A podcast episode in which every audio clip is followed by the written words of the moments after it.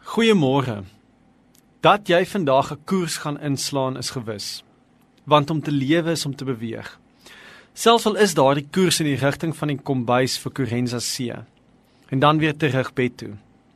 Paulus skryf eeue gelede dat ons in God lewe en beweeg in Handelinge 17 vers 28.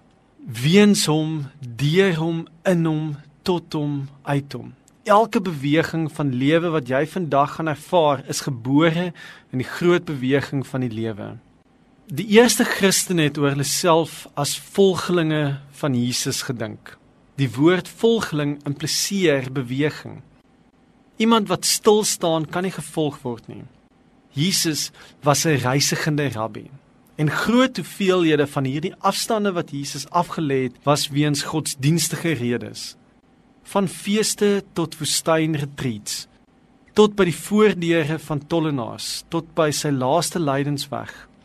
Jesus se geloof het hom in beweging gebring. Syne was nie 'n stil sit op 'n kerkbank spiritualiteit nie. Syne was een van op weg wees.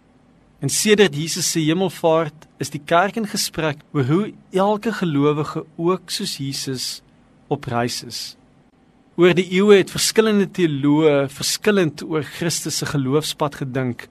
En tog is daar twee dinge waaroor hulle saamstem.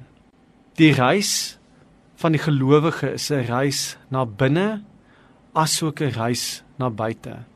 'n Geloof wat 'n mens in beweging bring, vat jou diep en wyd. Dis 'n beweging na jou binnekamer op soek na sy stem, asook na die markplein op soek na sy wil.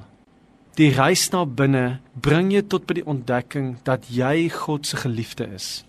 Dit gaan gepaard met stilte, afsondering, meditasie, nadenke, rus, verootmoediging en gebed.